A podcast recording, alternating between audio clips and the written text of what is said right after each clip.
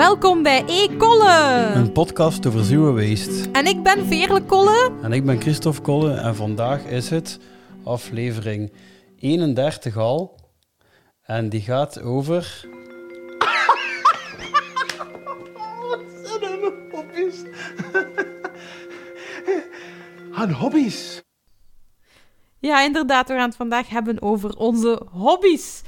Uh, maar voor we natuurlijk naar het onderwerp gaan, gaan we eerst een paar nieuwtjes. En het eerste nieuwtje dat ik jullie wil deelnemen, of uh, uh, mee te delen liever, dat is ons nieuwe manier van werken. We hebben vanaf nu een antwoordapparaat en daardoor kunnen luisteraars ook aan het woord komen in onze podcast. En vandaag hebben we ook de eerste luisteraars die jullie zelf aan het woord gaan horen, of, of ja, die iets te vertellen hebben. Die gaan we straks beluisteren. En ja, hoe kan je natuurlijk onze antwoordapparaat vinden? Gewoon op veerlekolle.be slash, slash zero waste podcast. Daar ziet je een knopje uh, neem een boodschap op. En dan kan je zelf, als je wil, ook een boodschap achterlaten. Een verhaal, een tip delen, een vraag stellen. Of in het thema waarover dat we het gaan hebben, uh, iets vertellen natuurlijk. Dat kan ook. Um, ja, en, en dat, dan kan Christophe natuurlijk, die dat heeft, uh, op dat idee kwam. Ja, ik had uiteindelijk een toeltje gevonden waarop dat we dat gemakkelijk konden op de website zetten. het niet ja, is niet moeilijk. Uh, en dan was er nog een nieuwtje. Het was uh, van de maand Supermarkt Vrije Maand. Hè. Uh, Février sans Supermarché. ik heb daar wat stories van gedeeld op mijn Instagram. Het is niet zo eenvoudig. Ik probeer al zoveel mogelijk de afval... Nee, ik probeer al zoveel mogelijk de supermarkt te mijden. Maar de deze maand deed ik echt mijn best om die 100% te mijden. En ja, dat is niet altijd even gemakkelijk, maar daar ga ik zeker nog iets over uh, zetten op mijn social media. En nog belangrijker nieuws is binnenkort, 14 maart, start de klimaatzaak, het proces. Dus effectief de klimaatzaak voor de rechter in België. Uh, in Frankrijk zijn ze gewonnen, in Nederland zijn ze gewonnen. Nu is het aan onze beurt in Vlaanderen. En ze doen ook een actie, namelijk een, een coronaproefactie, dat je als advocaat ergens op een plein gaat staan in een gemeente of in je stad. Uh, de zondag ervoor. Um, om eigenlijk duidelijk te maken dat je het klimaat wil steunen, dat je recht, ja, justice for climate, climate justice wil voor het klimaat. En op klimaatzaak.eu, daar kan je een lijstje vinden van de gemeentes die al meedoen of je ook kan meedoen. Dus je kan dan op veilige afstand van elkaar staan en zo proces of eigenlijk steun betuigen aan het klimaat of aan de klimaatzaak. Uh, ik ga zeker meedoen, dus ik hoop dat ik jullie daar allemaal niet te dichtbij zie, want er is nog altijd corona. Maar uh, dat we toch iets kunnen betekenen. Uh, klimaatzaak.eu.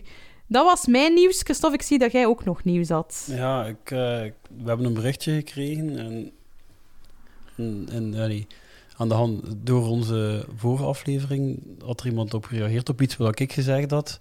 En een van de weinige keren heb ik een keer met onze social media ook geantwoord en zo. Meestal is dat wel velen die dan de lijn krijgt op Instagram en op uh, Facebook en zo. Je wordt dan even klappen, maar, uh, ja, nu was ik dat. ik vond het wel interessant. Het was van een zekere Lisbeth.vv. En die is uh, een deel van een loodgieterskoppel blijkbaar. En die geeft mij gelijk in een bepaalde analyse die ik had gemaakt over het feit dat je dus ja, als privé zo je best kunt doen om zo, ja, uw afdruk, uw ecologische afdruk, zo laag mogelijk te houden, er ook zoveel mogelijk te hergebruiken en zo. Maar op het moment dat je dan in de professionele wereld terechtkomt van uh, verbouwen en van, dus in dat geval loodgieters, maar ook ja, van alles en nog wat, uh, dan kom je echt in een wereld terecht waarin dat, dat ja, helemaal niet, nog niet ingeburgerd is. Waarschijnlijk toch ook wel door het feit dat... Uh, materiaalkost en de arbeidskost gewoon niet goed in verhouding staan met elkaar, waardoor dat er echt zoveel materiaal wordt weggegooid en al. Zij doen wel hun best zelf om zoveel mogelijk te sorteren en te recycleren, maar ja, ze zien ook wel dat dat economisch eigenlijk gewoon niets voor hen opbrengt. Hè. Ja, ja. Um, en op dat gebied uh, ben ik nu zelf ook uh, weer aan het uh, rondkijken, omdat ik nu op dit moment op zoek ben naar, naar een paar stapstenen voor in de tuin. Mhm. En uh, dat is terrastegels worden ja, bij de vleet toch uitgebroken overal. Uh, of toch buitentegels op zijn minst. En dat, zoiets wil ik hebben. Ja. Dus, ik heb al Ja. via via van een maat gehoord van iemand die daar ook ooit een keer iets mee begonnen was met een website. Om ja, een, een bedrijf die afbraak, afbreek, afbraakwerken doet en zo. Die dat, die dat materiaal allemaal proberen te verzamelen en zo. Maar dat is echt allemaal niet, niet vanzelfsprekend. En dat is heel spijtig dat, er, dat gewoon uitgoedkoper is om... Ja, wat ze ook trouwens zei, is van dat ze, als ze iets bestellen, dan komt er allemaal van die kleine onderdeeltjes bij die ze niet nodig hebben. Nee, ja, dat is gelijk bij de IKEA of zo, ja. Ja, ja ik vind... Ikea valt dan eigenlijk nog mee. In vergelijking met als je zo iets anders koopt, zo... Ja, wat is het? Bijvoorbeeld een stofzuiger. Ja, je krijgt daar sowieso drie, vier verschillende kopjes bij, zo. Terwijl. Ja, je vraagt er niet naar. Nee. En als je dan bijvoorbeeld, je, je slang is dan kapot en je bestelt dan een nieuwe slang en dan komen er direct weer vier kopjes bij, zo. Ja. Ja, dus als je daarop let, dan is dat frustrerend, hè. Ja, dat is eigenlijk ook raar dat zo'n bedrijf niet, niet aan de... Bijvoorbeeld, als je denkt aan een circulaire economie, zou een bedrijf eigenlijk zelf zeggen van... Ja, tja, wij maken bijvoorbeeld altijd dezelfde potjes. Waarom vragen we niet aan de mensen die ze niet meer nodig hebben dat terug te geven, om daar dan nieuwe potjes van te maken? Dan, moet, dan denkt je van, dan moet een bedrijf niet iets nieuws aankopen, dan kunnen ze iets maken uit iets dat al bestaat. Maar ik denk dat bedrijven daar wel langzamerhand mee bezig zijn, ook met Als je de- dat economisch ja. berekent, hè, dat is altijd goedkoop om toch- gewoon nieuw te maken. Dat is raar, dat is, zo, dat is echt Dat, is, heel... dat ja. zit zo in elkaar, ja. Ja, dan, dat is... Ja, ik vind dat wel ook frustrerend. Omdat het lijkt allemaal Ja, inderdaad veel inderdaad, er moet ervoor gekeken worden. Ja, inderdaad, met eh, de... Ja, het zou meer en meer ver- verplicht moeten worden, maar ik denk dat dat wel in de Green Deal ongeveer zit in Europa. Dat daar steeds meer op gelet wordt dat er met materiaal gewerkt wordt dat al bestaat. Maar inderdaad, in de bouw wordt er dan, als je iets maakt, nog altijd veel weggesmeten. En inderdaad, als je dan nog die verschillende aansluitmaterialen erbij steekt die je niet nodig hebt, of andere kleine dingetjes. Ja, eh, ik stel voor dat we naar de volgende rubriek gaan. eh. Ja, oh, nee, ik wil nog op één dingetje terugkomen. Ah, oké, ja, doe maar. ja, je bent ook nog actief geweest, eh, een beetje. zijn nog in een andere podcast geweest, in de Kilocast. Ah ja, ja. ja, ik heb er naar geluisterd. Het is wel ook eh, een aanrader voor iedereen. eh, De aflevering toch zeker met Veerle, voor, alleen voor ons publiek toch. Het meest ehm, boeiende en interessante aan, aan het horen is, je bent al een paar keer ook op de radio geweest. En dan is iedere keer zo de presentator gelijk wel redelijk voorbereid op wie dat Ja. hij zijt en, en waar dat hij voor staat. En je hoort ze wel dat ze, dat ze al voor zichzelf een analyse hebben gemaakt. Wat, gaan we zeggen, wat ga ik er zeggen, wat ga ik niet zeggen. En nu had je, hoe noemt ze van de Kilocast? Roosje Perts is Ja. de... Ja, Ik weet niet, die, die was er... Ja, oftewel had ze zich wel voorbereid, maar alleszins, ze ging er redelijk met open vizier in. En ze, het kwam daar redelijk spontaan uit wat dat ze dacht op het Ja. moment dat je het zei zelf. Waardoor dat waarschijnlijk voor de luisteraars van ons redelijk een eye-opener is van oké, er zijn zelfs mensen die nog zo denken. ja het, is, Eh. het was het leuke aan Roosje, is, zij is spontaan en daarom luister ik ook graag naar haar podcast. Hè. Shout-out naar Roosje Perts. Eh, maar ehm, ja, ik, verschrok er, ik schrok er zelf altijd van, want ik dacht, ik ga Ja, je relativerend paar gesprek keer hebben. oei gezegd. Ja, maar dat is eigenlijk juist goed dat ik, dat ik gewoon. ehm, ja, uiteindelijk is Roosje heel interessant ook om te volgen. En ik volg haar podcasten graag juist om te relativeren. Like, ze had dertigerspraat. En dan zie ik, ah ja, daar zijn eigenlijk mensen van mijn leeftijd mee bezig. Die zijn niet altijd bezig met zero waste. Die zijn bezig met Netflix. En eh, ik ook eigenlijk nog relatief veel. Maar bedoel, die zijn met andere dingen bezig. En dat is eigenlijk goed dat ik ook besef van niet iedereen denkt zoals ik, of niet iedereen houdt daar rekening mee, of niet iedereen weet dat, om dan te zien, juist, ja, hoe, hoe dat het normaal gaat in iemand zijn hoofd. Ja. En Roosje is, is, is, is, ja, die is ook een mama, en die, die staat voor andere problemen dan ik, en, en die, ja, die wil ook eh, eh, het gemak in het leven, en ik snap wel dat iemand nog niet over bepaalde dingen heeft nagedacht, hè. Eh, ja, Nee, zo... maar Ik heb toevallig vandaag nog een keer... Ja, ben naar de ONU geweest vandaag. En dus ook uitgelegd aan iemand die dat niet kende wat dat was. Ja, voor mij is dat Ah. uiteindelijk ook eh, ja, twee, twee jaar geleden... Ja, we, we hebben daar zelf een reportage van gemaakt. Van Ja, ik, ja. ik die voor het eerst daar naartoe ging. En die zo nogal moest kijken van, wauw, wat voor winkel is dat hier nu? Ja, voor mij is dat nu ondertussen het, om in coronatermen te blijven, eh, het nieuwe normaal. Voor mij is dat helemaal niet meer raar om, eh, om zo voor bepaalde dingen een potje te hebben waar dat het er, er omgaat. Maar ja, ooit is dat voor mij ook niet geweest. Hè. En ja, en dat is zo, maar dan nog, nog meer is uw gesprek met KiloCast. En ik hoorde ook wel dat ze, had wel de bedoeling dat een podcast grappig is, denk ik. Ze probeerde wel altijd zo wat, dat hij grappige dingen zei. te- ik denk Ja, dat hij uiteindelijk ook wel een van de serieuzere, ja, hij was wel Ja, een van de serieuzere gasten ooit, vermoed ik. Ja, dat was niet zo mijn bedoeling, maar ja, als zij, zij stelt redelijk serieuze vragen nog, vind ik. En ook, ehm, ik, als iemand mij vraagt wat is het lekkerste of wat vind je het lekkerste, dan zeg ik effectief wat, wat ik het lekkerste vind. Maar dat wil niet zeggen dat ik dat elke dag ga kopen. Dus of dat dingen zijn die in verpakkingen zitten of niet, of duurzamer zijn of niet. Als iemand mij vraagt wat is het lekkerste, ga ik eer- eerlijk antwoorden ook. En dat merkte wel in die podcast, denk ik, eh, dat, dat, dat ik gewoon zeg, ja, sorry, maar dat vind ik, like over Ba- Baileys dan, dat is gewoon de lekkerste alcoholische drank. En ik weet ook wel dat dat niet zo'n duurzame drank is. Maar als iemand mij vraagt wat is de lekkerste, dan zeg ik dat. En de vegan versie is helaas niet zo lekker als de originele. Ehm, dus ja, dat zijn zo dingen die je dan Ja. hoort in die, in die podcast. Ja. Maar dat probeer ik hier ja, ook, wel eh, moeite gedaan voor één iets grappig te doen, heb ik wel gemerkt. Je hebt toch je best gedaan om het woord koekenrayon te laten vallen. Heb je dat gezegd? Ja. ja, dus ja.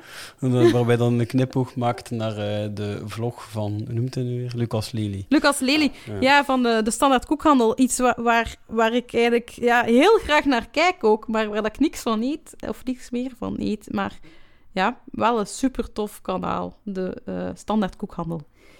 Ja, ik vond die Ehm, ene keer wel spannend toen dat Lin- Linde Merkpoel daarin kwam, omdat zij zich toch ook al een beetje Ja. profileert als het eh anti-plastiek, anti-verpakking Ja, eh, ja. beweging zo. En eh, ze had dan zo haar lievelingskoek gekozen en ze verschoot dan ter plekke van het feit dat dat toch allemaal apart verpakt was. Dus, was, dus heeft dan toch even een statement gemaakt. ja. Dus het kwam wel alles aan bod natuurlijk. Ja, het is al een keer iets over Ja. gezegd geweest. En voor de mensen die dat willen zien, het staat allemaal op YouTube, standaard koekhandel. Dan eh, komt het terecht bij een heel Dat is tof woordspeling, hè? account. Ja, dat, dat, dat, dat hoop ik dat ze doorhebben. Eh Oké, gaan we over naar eh, volgende, eh, ons volgende puntje.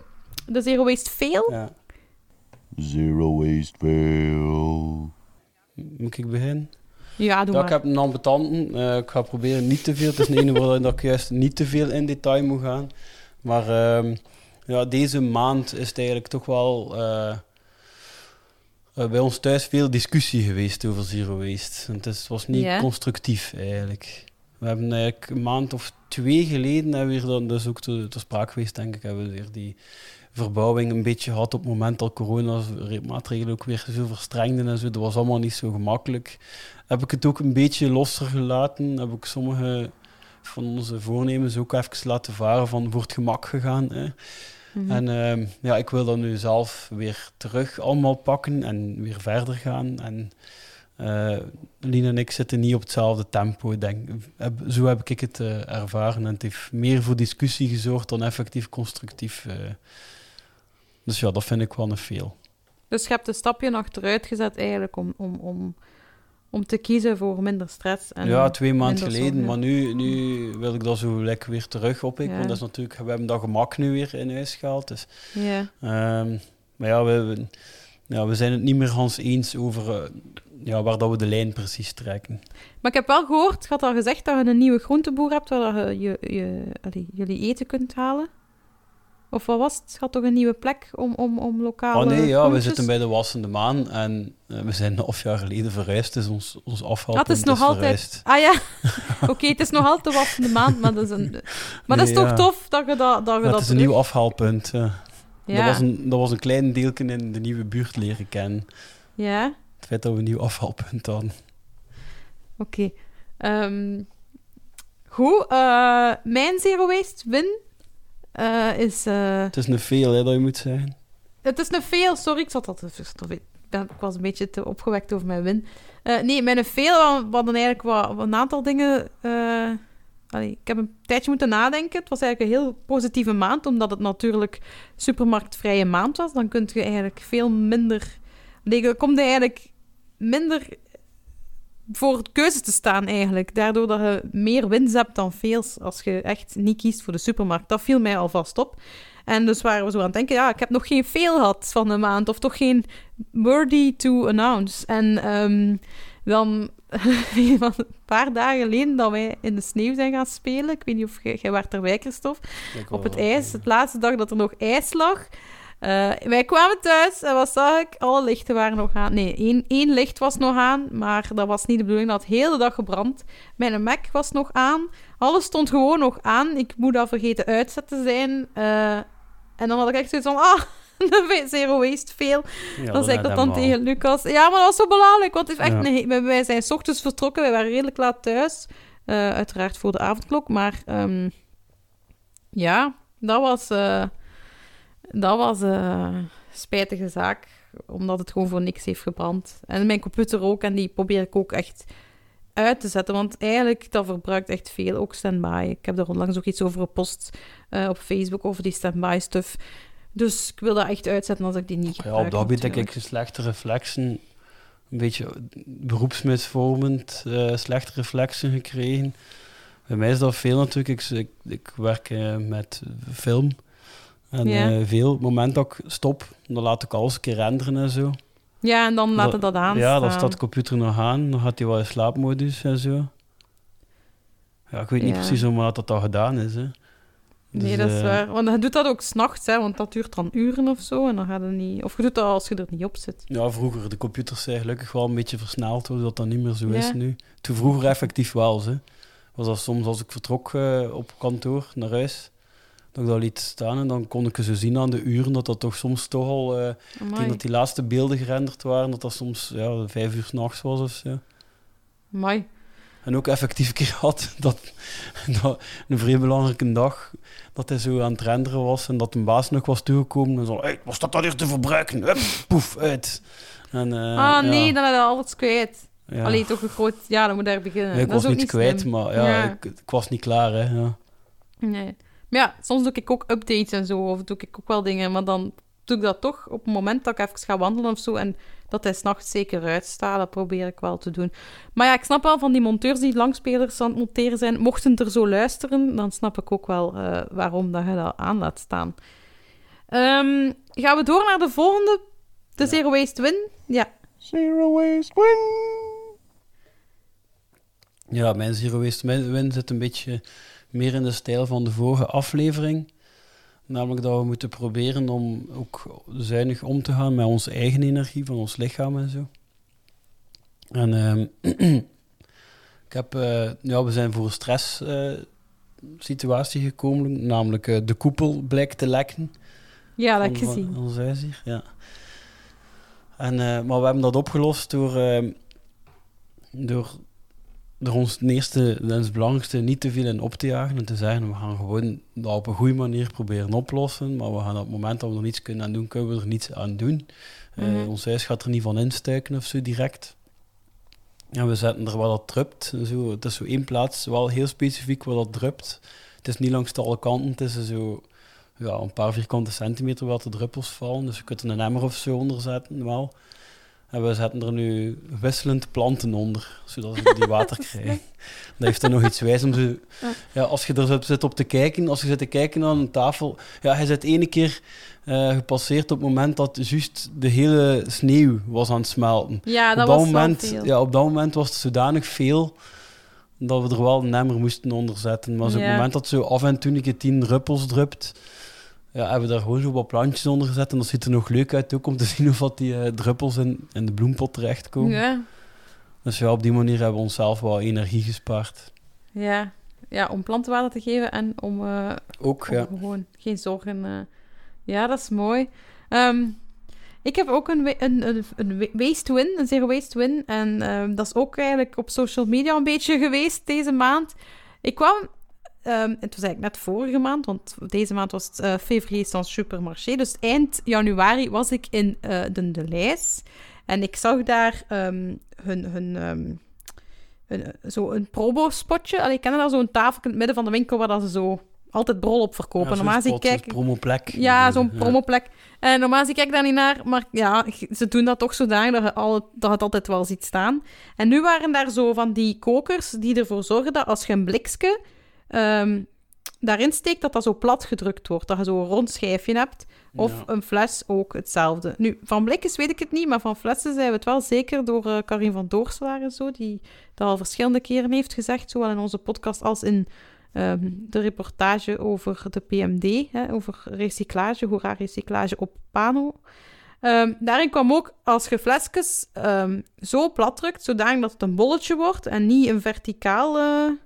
Nee, niet een horizontale platgedrukte fles, maar een verticale platgedrukte fles in zo'n kokertje, dan kan die niet gerecycleerd worden, want die wordt vaak gewoon niet herkend op de band en die wordt eruit gesmeten als zijnde van dit is geen plastic flesje, dus dit kan niet gerecycleerd worden. En vaak worden die verbrand of nog eens naar andere landen verstuurd, die dat dan ook gewoon terugsturen naar België per schip. Dus ik dacht, oei, ik dacht dan die kokers niet meer verkocht mochten worden, juist daarom, omdat dat iets uit de jaren 90 is, dat nu niet meer gebruikt mag worden, doordat ze beseffen dat dat toch niet goed helpt. Dus ik mail naar die de lijzen van kijk, ik heb dat gezien. Nee, eerst zeg ik dat aan de kassa van weten jullie dat dat eigenlijk zorgt voor meer afval in plaats van voor minder? Want het zou lijken voor minder omdat alles kleiner maakt. En dan zegt hij aan de kassa, nee, ik weet dat niet, maar je kunt wel altijd een keer mailen naar de, die, eh, de klantendienst. Dus ik mail naar de klantendienst vriendelijk van, kijk, ik heb dat gezien in jullie winkel, maar wist je dat? En dan verwijs ik naar een paar bronnen die dat ehm, ook eh, aanduiden dat dat, niet zo, dat dat niet helpt. En even later heb ik dat ook op Instagram gepost. Heb ik mensen gevraagd: van, kijk, kunnen jullie ook naar de klantendienst bellen? Of mailen liever, om, om dat dan ook te sturen. Dat ze zeker dat bericht hebben gehad. Dat hebben dan een paar mensen gedaan. Eh, ik weet niet hoeveel, maar het hebben echt een paar mensen een screenshot gestuurd van kijk, ik heb het ook gemaild en het was supergoed. Ook allemaal merci daarvoor. En even later, dezelfde dag, echt maar een uur later of zo, kreeg ik al bericht van het is eruit gehaald. Het is uit de eh, rekken gehaald. Ehm, en dan ben ik eh, een, een twee dagen later nog een keer terug gaan kijken. En ehm, dan heb ik effectief gezien dat het er niet meer staat. Dus ik wou eigenlijk gewoon met dit verhaal Is dat vertellen. bij het één is- de lijst of bij allemaal? dat weet ik dus niet. Dat wou ik ook... Dus mensen, als je het nog ziet staan, zo'n koker, hè, om, om blikjes of, of ehm, plastic flessen kleiner te maken om in je vuilbak te doen, laat het mij weten dan, dan, of mail ook naar die te lijzen van, kijk, dat wordt niet goed gerecycleerd als dat zo gevouwen is. Dus die, die, die, dat product zorgt eigenlijk voor meer afval. Dat is wat er gebeurt. Ehm, maar ik wou eigenlijk ook duiden van, kijk, je hebt veel mensen die erover klagen en zagen en niks doen, maar gewoon een keer een vriendelijk, en dat, dat zeg ik wel, vriendelijk mailtje sturen naar een klantendienst, dat kan effectief wonderen doen en helpen. En het is ook nooit die persoon die die, die mail ontvangt die daar schuldig voor is, dus daarom is die vriendelijkheid wel heel belangrijk, want je weet niet tegen wie je spreekt. Het is niet die persoon die dat product heeft aangekocht waar dat je tegen gaat spreken. Ehm, en, en dat vind ik ook zo belangrijk, dat je echt gewoon eerlijk zegt wat het, het probleem is en dat je jezelf kunt staven. Eh, en het is gelukt ehm, in dit geval. Eh, ik krijg soms ook gewoon een mail van mensen die ook effectief gewoon klagen over iets dat ze hebben gezien. En dan zal ik ook terugmailen. Heb dan een keer aan die winkel soms gewoon uw klacht ook eh, al laten weten. En, en als dat antwoord nee is, dan, dan denk ik van ja, dat is het eerste wat je wel kunt doen. Dus dat is... ehm, eh, allee, dat is echt wat je als burger zeker kunt doen en zeker, zeker eh, invloed kan hebben. Dus voilà, het is mijn Zero Waste Win van de maand geworden, Christophe. Ja. Ja, Dan kunnen we eraan beginnen, zeker. ja, ja. aan het misschien- effectieve... Ja, aan onze... hobby's. Aan hobby's. Voilà, eh, dank u, Sammy uit het eiland, voor... Ja, nog een keer verwijzing naar, eh, naar mijn andere podcast, hè, ook. Ja, Van eh, het dus- eiland. Ja, wie dat fan is van Christophe heeft nog een leuke podcast. De Protpot over het eiland. En ehm, daar komt... eh, ja, daar komt vooral veel inhoud over het eiland in, zeker. En, Ja, en weetjes. Een en al eh, luisteren naar het eiland en bespreken van het eiland en zo. Ja, maar nu gaan we... Nu gaan we het nu- hebben over ja. hobby's, hè. Ehm, wel, ik dacht eerst om het te hebben... Ik heb een keer opgezocht, hè, hobby, wat is dat eigenlijk? En in de Vandalen staat er, dat is een ontspannende bezigheid voor in de vrije tijd, is gelijk aan liefhebberij. Hè, want ik wou zoeken naar onze eigen hobby's, dus ik wou... Allee, ik dacht vooral, wat is nu een hobby van mij? Wat is nu mijn beroep? Soms weet ik dat niet goed. En dan zegt Wikipedia daar ook iets over. Onder een hobby, tussen haakjes weer liefhebberij, wordt in het algemeen een ontspannende activiteit verstaan die men met enige regelmaat in zijn vrije tijd uitoefent. Een gevoel van persoonlijke voldoening is daarbij een belangrijke motivatie. Hobby's worden door jong en uit, oud uitgeoefend uit interesse en voor het plezier, niet als bepaald werk. Voorbeelden zijn het verzamelen van bijvoorbeeld postzegels, amateurfotografie en het lidmaatschap van een toneelvereniging. Uh, en, en, een leuk weetje is ook, het komt sowieso uit het Engels, maar in het Engels kan het ook verwijzen naar een klein vogeltje. Um, en daarom zou hobby ook uh, die naam hebben gekregen, omdat het eigenlijk verwijst naar valkenjacht, piezerijen of plezierrijen, sorry. Uh, iets dat mensen ook in de vrije tijd deden. Daar komt het allemaal vandaan. Enfin, dat heb ik een beetje opgezocht. Ja, dus toen dacht ik, ja, wat is eigenlijk onze hobby? Dus dat we, we hebben al een beetje gedeeld, maar... Uh... Ja, om een keer bij ons af te raden gaan. Hè. Ja. Ja, wij hebben wel redelijk wat overlap natuurlijk. Want podcast maken bijvoorbeeld kunnen ook wel als het onze Ja, hobby. ik zat ook te denken, ja. Ja. En we zijn Eh. dan al twee wat creatievere hobby's ook. Ja, ik heb er een paar, want eh, ik heb een paar foto's gedeeld eh, op voorhand, voordat deze podcast online staat, dat mensen konden raden wat onze hobby's al waren. Eh, de mijne die ik echt als hobby zie, eh, ja, sowieso, ik ben iemand die graag naar series kijkt. Ehm, dat is misschien de minst duurzame hobby die ik heb, denk ik zelf, omdat je nooit weet hoeveel CO2 dan die servers uitstoten uit, stoten van streams en Netflix en VTM Go en VRT Nu. Eh, maar ik, ja, ik, ik volg graag een aantal series. Ik heb altijd zo mijn vaste ding, omdat dat mij echt ontspant. Dat is echt iets dat ik zeg, ah, nu ben ik even weg. Eh, en dan hetzelfde met lezen, maar dat is al moeilijker om mij daaraan te zetten, omdat het dan volledig stil moet zijn rond mij. Maar als ik een keer dat lees, dan blijf ik wel even lezen. Eh, vooral afwisselend high, high fantasy met ehm, juist een, een, een, non-fictieboek. Dus ik wissel altijd af. Een keer heel diep in de sprookjeswereld met ridders, kastelen en elfen en trollen.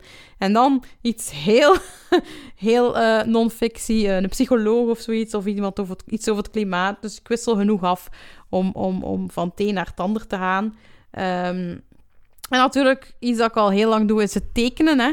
Ehm, en wat, wat ik daar dan duurzaam aan maak, en dat doe ik eigenlijk al als kind, want toen, eh, toen ik jong was, eh Christophe, je weet dat sowieso nog, Fatih kwam thuis met een doos van zijn werk. Vroeger werden er geen mails of, wat of computerdingen gedaan. Toen werd zo alles op het werk. Hij werkte in de, in de, op toen nog Sietmar. Hij, ehm, dat werd zo afgeprint op van die blaren. En aan de zijkant zijn er zo ringsjes. Zo dat je er kunt afscheuren. Enfin, zulke computerblaren waren dat. Ja, dat was wel grappig. Er zat daar ook een evolutie in, in die bladen. Ja, ja, Dat op zo- in het begin dat wel... waren echt alleen maar cijfers en rare Ja. grafieken en zo. Maar na een tijdje zaten daar ook echt wel mails tussen. Afgeprinte mails tussen, eh, Ja, tussen collega's en al. dat heb ik wel nooit gelezen, pijnlijk. Ik weet niet. Of, of foldertjes en zo. Ik heb zo ooit een keer zo'n een die naar een ander zat te mailen over het feit van... Ah, ik, heb, ik, eh, ik wil een quiz doen. nou, Het schijnt dat jij een goeie hebt liggen en zo. Ja, dat, dat kost heel die conversatie lezen. Ja, daar ben ik dan weer niet mee bezig geweest. Maar wij konden dus op de achterkant tekenen. En wij hebben dat allemaal met z'n vieren eigenlijk. Want we zijn met vieren, we hebben allemaal veel getekend daardoor. Die Ja. stonden altijd vol. En nu nog, ehm, ik, ik, als ik een brief krijg bijvoorbeeld met de post, die ik meestal niet wou, omdat het is vaak reclame. En de achterkant is wit, dan gaat dat in mijn kladbladdoos en, of zelf in mijn printer. Om als ik dan toch iets zou uitprinten, eh, dat op een klad te doen. Dus het is, het is echt gewoon, ik, ik schets heel veel op kladpapier. En ik ben nu weer in mijn digitale fase. Tijdens de Zero Waste kalender was ik op papierfase. Hè. Dat wil zeggen dat ik alles niet digitaal getekend heb voor de kalender. Dat is allemaal schilderijtjes. Ehm, en, en dat was ook aan weerskanten ge- getekend, zodat ik zo weinig mogelijk papier verbruikte ervoor. Maar nu zit ik in mijn digitale fase, dus ik teken digitaal, in Photoshop en zo. Ehm, en ik schets nog altijd, of ik zet aantekeningen op kladpapier. En ehm, daarom dat ik ook nog altijd voor kies om geen uitwisbaar schriftje te kopen. Zo'n schriftje, je kent dat wel, maar van die soort whiteboardplaatjes, dat je dan, oh ja, hier kun je iets op schrijven en eh, terug uitvegen. Want ik denk, zolang dat ik van mijn werk of gewoon met de post gewoon nog papier krijg, heb ik dat niet nodig, want ik wil liever iets gebruiken dat ik toch al in huis heb. Eh, dus ja, dat doe ik. En ehm, dan, ik heb nog een hobby. Dat is eigenlijk een hobby die een beetje met mijn gezondheid te maken heeft. Voor mijn rug, dat is een sportieve kantje. Eh, ik ga ook één keer per week gaan zwemmen. En ik dacht, ja, dat is toch misschien niet zo duurzaam, dat zwembad, al dat water. Dus terwijl ik aan het zwemmen was, was ik al aan het brainstormen voor deze podcast. Ehm, en ik heb gewoon dat zwembad, de, de, de zwembadbeheerder gemaild en hem gevraagd van, ja, hoeveel water wordt er eigenlijk verspild in een zwembad? Wordt dat elke keer leeggemaakt of niet? Maar dat wordt eigenlijk niet gedaan. Ehm, mijn, het zwembad waar ik in zwem is 618, nee, 618.100 liter ehm, in totaal van, eh, ja, van volume. En het kleinbad, maar dat gebruik ik eigenlijk niet, is 96.600 liter van volume. En de badmeester zegt: Elk zwembad heeft zijn eigen filters en zuiveringsstation. Simpel uitgelegd: het water loopt via het zwembad naar de filters, wordt daar gezuiverd en keert dan terug naar het zwembad. We kunnen natuurlijk niet vermijden dat er geen verlies is aan water. Dat is logisch, want als ik uit het zwembad kom, dan ben ik al nat en dan is er inderdaad ook waterverlies. Maar Um, iedereen komt namelijk nat uit het zwembad, zie je, dat zegt hij hier ook, en neemt dus water weg uit het zwembad. We, beperken, eh, we beperken echter wel het verlies tot een minimum. Een exact cijfer valt hier niet op te plakken, daar dit heel variabel is met sportieve grootten. Ben bad. Voilà. Uh, dus het gaat hier over um, het, het zeepaardje in Vilvoorde trouwens. Ik had beloofd om dat uh, even te vermelden. maar um, eigenlijk valt dat dus mee. Ik dacht even van dat gaat een paar keer per jaar of een paar keer per maand misschien helemaal vernieuwd worden. Uh, maar eigenlijk valt dat goed mee. En dat is ook een reden waarom dat de prijs eigenlijk, denk ik, uh, nog te doen is om elke week te gaan zwemmen. Maar dat wist ik dus niet. Dat een zwembad gewoon effectief enkel um, gezuiverd wordt uh, door de filters en niet volledig leeggemaakt wordt. Het werd wel waarschijnlijk leeggemaakt tijdens de lockdown, uiteraard. Om al die energie van die motors of van die filters te besparen. Want nou, toen als ze weer open mochten, was nog, was nog geen enkel zwembad klaar, omdat het nog niet gevuld werd. Dat hebben ze wel ook uh, laten weten. Maar uh, normaal gezien uh, heb je dat niet, dat dat leeggemaakt wordt. Dus voor de mensen die zwemmen, dat weten jullie nu ook. Ah, ik dacht dat je nog eentje had. Nee.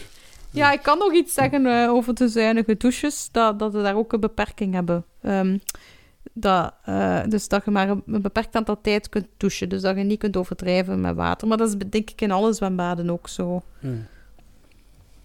Um, ja, ik heb mij gevraagd om wat foto's te delen. Dus ik ga mij qua hobby's dan uh, vooral baseren op de foto's die ik gedeeld heb. Um, een van mijn ja, hobby's die het meest met u overlappen natuurlijk, is dat ik ook wel altijd al met tekenen en schilderen en zo bezig ben geweest. Um, ja. ja, ik ben wel hetgeen dat ik het meest ontspannende, al zeker tien jaar vind, hetgeen dat ik ook puur voor, voor mij het ontspannen doe, is schilderen met acryl. Dat is natuurlijk niet zo... Ja, dat is, dat is gewoon niet zo milieuvriendelijk. Hè. Dat is niet... Nou, ja. ik, weet niet, daar ben ik eigenlijk ook nog niet bezig geweest met dat heel... Om de juiste ecologische te zoeken, moet ik eerlijk zijn. Ik doe dat ik ook vind niet aquarel, zo ja, ik heb daar ook nog niet zo bij stilgestaan, omdat ik nu weer in een digitale fase zit. Maar ik, aquarel, dat doe ik eigenlijk liefst, omdat dat zo'n klein doosje, dat gaat mega lang mee. Dat hangt er vanaf hoeveel dat je schildert, ja. maar je kunt dat overal meepakken. Een klein doosje, je hebt gewoon water nodig en een penseeltje en je, hebt, je kunt aquarel, je kunt de handschilderij doen. En je hebt nooit echt veel verf nodig. Maar hoe duurzaam dat die verf is, dat weet ik niet precies. Ja, ik, ik, ik schilder wel grotere uh, dingen. Ja. Als ik dat doe. Uh, ja, ik, ik, heb een tijdje muurschilderingen gezet. En ook zo, als ik schilder op doek of op papier, schilder ik ook die zo'n beetje ja. toch wat grotere formaten zo. Vind ik tof om te doen. En ook voor, uh, voor Lina Knutsel um, workshops en zo maak ik veel platen met, met leuke afbeeldingen van die kinderfantasie afbeeldingen ja. op zo. Dat doe ik wel het liefst met acryl. Dat is, dat is zuiver, dat is ja, gewerkt Kun, Staan er nog ergens, um, voor onze luisteraars, staan er niet nog ergens dingen online van u? Goh, ja, mijn oh, kunstenaarsnaam is Fat Mike. Oh. Uh, maar niet Fat Mike, like die van NoFX, maar F-E-T-M-A-A-J-K. Uh, anders gaan we, kunnen we een keer een paar op onze Facebook ja. en Instagram delen van mijn schilderijtjes. Ja, ik teken natuurlijk ook wel meer digitaal ook, ze, als ik dat doe. Um, maar dat voelde allemaal iets minder ontspannend aan. Als ik zo gewoon in het, in het groot aan het schilderen ben met acryl, is het meest van al dat ik het echt richting hobby kan noemen. Ja, dus, ja. dus ook voor jezelf. En Het meeste dat ik echt mij ontspan. En eh, ja, nee, aquarel op de muur zetten, dat, dat gaat niet, hè. Nee, het is dat. Dat, is ook, ja, dat heeft heel veel beperkingen ook. Maar ja. Ja, ik weet wel dat het allemaal ecologisch is. Dat is want ehm, in ons nieuwhuis nu, onze, onze onkel heeft uh, één kamer hier al aangepakt met Ja. echt allemaal ecologisch materiaal en zo. Dat is heel mooi en zo. Ik weet niet of, ik dat, of dat voor figuratief schilderen dat dat ook al bestaat. Waarschijnlijk wel. zo. Ja, ik had er me misschien. kunnen in verdiepen al. Maar ik, ik geef eerlijk toe, ik heb dat nog niet gedaan. Maar ik zal overgaan naar eh, mijn andere hobby's. Eh, dus nu ga ik eerder naar de hobby van een tijd geleden. Maar daar kan ik wel gemakkelijker zeggen wat er daar precies eh, voor afval te beperken kan gebeuren. Dus ik heb eh, nog veel in bandjes gespeeld. Ja, hij ook een beetje, hè. Ik misschien iets ja meer. niet zo Maar ik was vooral, vooral bassist. Ja, we hebben één, één band gehad eh, waar dat we toch een redelijk niveau mee gehaald hebben, waar dat we toch effectief een cd hebben opgenomen en zo, met Willows Whisper. Mhm. Ja, en de algemene cultuur dat ik overnam, want ja, het, was, het was eerder eh, andere muzikanten die zo'n beetje het voortouw namen op dat gebied, op het gebied van materiaal en zo. Dat was toch altijd om eerst te proberen om tweedehands te kopen Mhm. gelijk wat. Ja, hoe, hoe, hoe kleiner en hoe, bijvoorbeeld je snaren, dat gaat echt wel nieuw aankopen. Hè. Ja. En eh, ik heb twee kabels waar dat ik levenslangere garantie op zou hebben, nog altijd. Dat heb ik. Ja, dat was ook... eh, ja, Sam was daar vooral mee bezig, de gitarist, hè, en tegelijk ons schoonbroer. Eh, en die, die wilden ook wel graag dat de andere leden van de band ook deftig materiaal hadden. Dus heel de periode heb ik voor mijn verjaardag alleen maar materiaal voor mijn bas gekregen van hem. Eh, en dus waaronder keer twee kabels van eh, mijn levenslange garantie. En ja, mijn, mijn nieuwe gitaar en mijn nieuwe versterkers heb ik altijd wel tweedehands gekocht. Dat is zoiets Ja. dat je toch best doet als je met een nieuw hobby wilt beginnen. Een van de gevaren toch is dat het alles Ja. nieuw koopt. Ja. Eh, ja, sommige mensen hebben dat ook een beetje als aanmoediging nodig, denken ze. Hè? Zo Ja. van, eh, en nu... Dat is ook nog iets dat ik heb zitten bedenken. Vroeger, het internet kwam dan, want de, dat bandje, die bandjes die had ik vooral rond de e-wisseling. En dat is de, toen dat internet zo wat meer en meer een deel van het dagelijks leven werd. En toen was, door dat internet, was dat juist eh, gemakkelijker om dingen tweedehands te kopen. Want Ja. hadden dan, ja, Bij dan eBay was dat toen. Bijvoorbeeld, Nee, ja. ja, Capaza. Ja, ja, ja. Eh, maar ja, meestal, meestal bestonden er zo zelf, naast eBay en Capaza, bestonden er zoveel gespecialiseerdere websites voor iets bepaald. Hè. En voor instrumenten dus ook. En zo ben ik ook wel nog een, een, ja, een tweedehands basgitaar dan gaan kopen, diegene dat ik echt wou. Tweedehands, ja, dat, was, dat was normaal door het internet. En nu is het juist door het internet dat mensen gemakkelijker zo nieuwe brol gaan aankopen. Zo'n ja. beetje een... Ik weet niet, ik heb ook denk dat, dat dat moeilijker te vinden is. Nu iets tweedehands, hè. Nu Nee, het is minder eerder- te betrouwen. Ik denk dat het aanbod zodanig groot Ja. is dat je niet meer weet, is het betrouwbaar? En als je bijvoorbeeld zoekt naar een basgitaar, tweedehands, ga je ook reclame krijgen voor een nieuwe. Ja, voor nieuwe, ja, dat bedoel ik, ja. Dan, dat. dan worden Ja. verleid, hè. Ach, ja, en dan ah, het is maar zoveel meer. En dan, en dan, maar dan is het echt wel nieuw. Dan heb ik toch wel mijn garantie, dan heb ik toch wat dat en dat. En, eh, en dan, dan kan ik toch wel echt beginnen. En dan, dat is, ja, daarin denk ik wel, maar in de muziekindustrie is het toch altijd iets normaler dat iets tweedehands gaat kopen. Dus dat is toch wel positief. Ehm, en dan, ehm, mijn andere hobby is dan meer mijn sportieve hobby. Ik kan misschien al mijn, ik zal al mijn sporten een keer samen nemen. Eh, de waar dat ik een foto van gedeeld heb, is ook wel mijn echt favoriete sport. Mhm. Op dit moment nog altijd, maar dat kan ik zo goed als niet doen door de coronatijd. Dat gaat over acro-yoga. Mhm. Ik denk dat er voor veel mensen dat woord nieuw is. Ja, leg maar dus ik uit. zal dat een beetje uitleggen. Dat is eigenlijk ja, acrobatie en yoga gecombineerd. Ik moet zeggen dat wel, hetgeen dat ik doe, dat de nadruk op acrobatie iets meer is nog. Het is een soort partner-acrobatie dat je doet, dus per twee of zelf meer. Eigenlijk altijd met meer, want je moet er altijd bij staan om te zorgen dat je niet valt. Eh, maar trage bewegingen, dat is eigenlijk wat dat, dat yoga daar vooral bij komt doen. Dus dat je transformaties doet samen. Mhm. ja, je moet dat maar allemaal een keer googlen hè, als je dat wilt. Eh, Maar het ding is, wat komt er daarbij van materiaal? Kijken bijna niets. Hè. Dus ehm ja, het wat soepel zittende kleren nodig. Ja, ook daar zie ik soms gebeuren in die scene, laten we zeggen, van acro- acro-yoga. Sommigen zijn dan toch bezig met allemaal verschillende matjes kopen en met, met verschillende van die fancy yoga kleren en zo kopen. Maar Ja. het hoeft allemaal niet, als je dat wilt doen. Eh, ja, één matje we wel best wel. Wat draagde jij dan als je geen fancy yoga kleren hebt? Wat draag je dan zelf? Eh, eigenlijk gewoon een, een short en een sport-t-shirt. Oh ik, heb wel, ik heb wel een paar eh, sport-t-shirts zo van stof, die synthetische stof waren, waardoor zweet gemakkelijker weggaat, mm dat niet zo blijft inzitten. Dat heb ik ook voor mijn andere sporten die ik even zal benoemen, zijn badminton en ga lopen. Maar ga lopen doe ik eigenlijk helemaal niet graag, maar dat is Mhm. gewoon iets meetbaar, hoe sportief dat je bent. Iets waar dat je echt merkt dat je vooruit gaat. Maar ik ben nu ook wel juist achteruit gegaan, want ehm, op een gegeven moment zijn de overbelast en zover ben ik dus nu gekomen. Dus ik was goed aan het opbouwen, opbouwen en nu Mhm. is mijn knie overbelast. Zoveel dat je sport, jong. Goh, ja, Vergeet dat dus- altijd. Ja, veel sport. Ja, toch, eh, dat zijn toch wijze dingen voor zo te, met bewegen bezig zijn. En bij acro-yoga komt dan zo die connectie en die eh, vertrouwen Mhm. kijken. En dus, dat, dat doet wel goed. Dat geeft een voldaan gevoel als je dat gedaan hebt. Dat je elkaar hebt vertrouwd en zo. Dat kun je ook heel goed als koppel doen. Dus. Ehm, ja, en badminton vind ik go- goed, omdat dat, zo, dat, is, dat is bij mij de juiste level van intensiteit, omdat je daar zo in opgaat. En vanaf dat ik zo'n spelletje aan het spelen ben, ja, dat is de sport waarin ik het snelst van al, alles vergeten ben. Van stress en altijd. dat- Ja, omdat je moet focussen op dat spel. ja, ja. ja. ja. En ook zo die korte, dat zijn vrij korte sets en iedere keer weer ontspannen toch even en dan weer erin. En, ja. Ja. Grappig.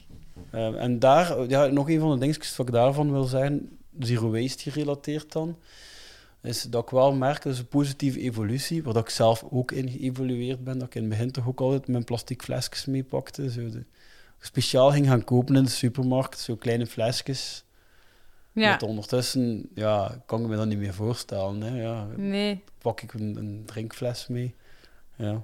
Ja. En overal bij de sport zie ik dat gebeuren, dat, eh, dat er toch altijd maar meer de drinkfles meebrengen. ja, ik denk dat is dat hetgeen wat het meest mij opvalt wel, van, van, van richting afval minderen en zo. En, en sporten, ja, mensen die uit maar andere sporten beginnen en uit maar materiaal kopen, dat is natuurlijk een beetje... eh, ja, Ik vind het ook leuk ergens met corona over die drinkflessen. Ik zie ook aan de zwemkom, iedereen zet daar ook zijn herbruikbare drinkfles naast de zwemkom. Om dan als je een aantal baantjes hebt gedaan, om dan even te drinken.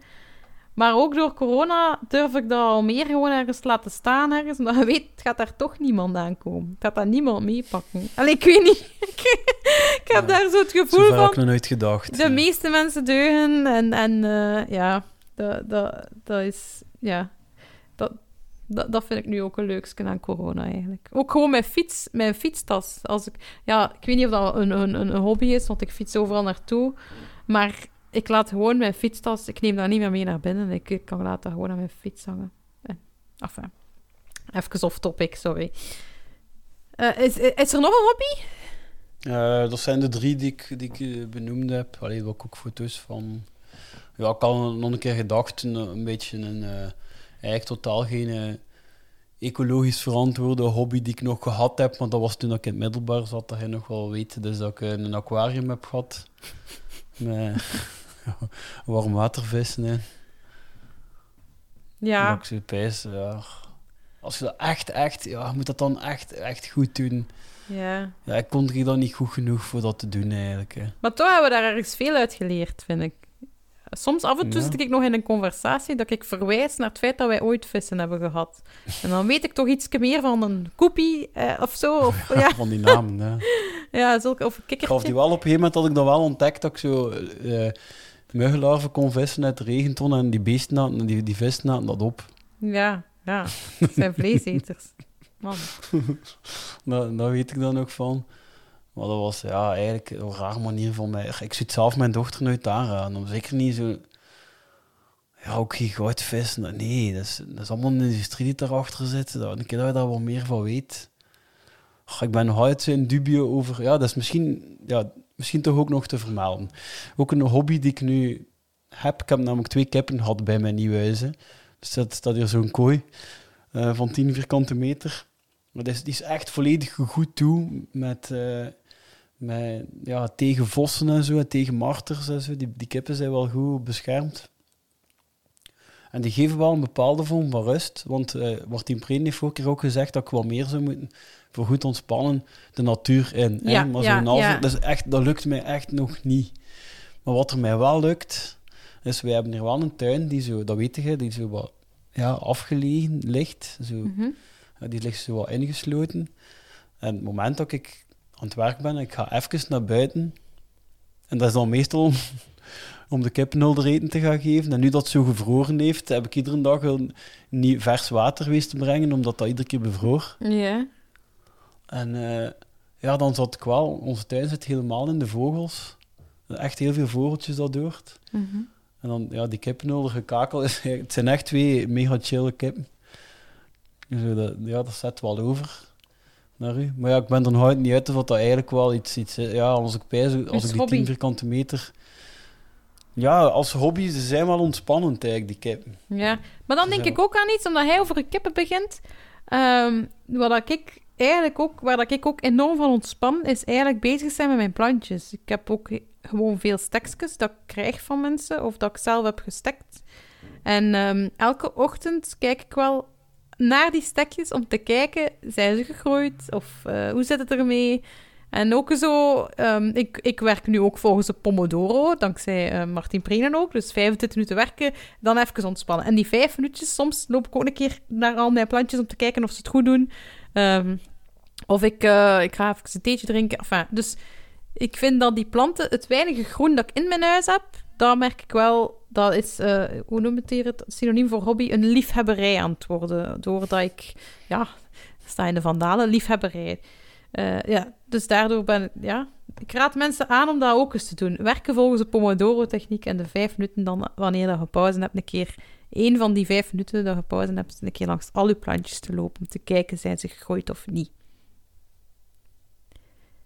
Ik denk dat we rond zijn met onze hobby's. Ja. Dan is het misschien tijd voor andermans hobby's. En we hebben dus een antwoordapparaat, we hebben het al gezegd. Eh, als je iets wilt inspreken, gewoon uh, veerlekolle.be, Zero Waste podcast. En ehm, jullie hebben het deze keer ook over hobby's gehad. We hebben jullie hobby's gevraagd om te kijken hoe duurzaam jullie dat doen. Of, of jullie zelf tips hebben uh, voor jullie hobby. Want natuurlijk, er zijn superveel hobby's. En wij hebben niet alle hobby's die jullie hebben. Dus we gaan eens luisteren naar jullie. Ja, de eerste die we gaan beluisteren is Ilse.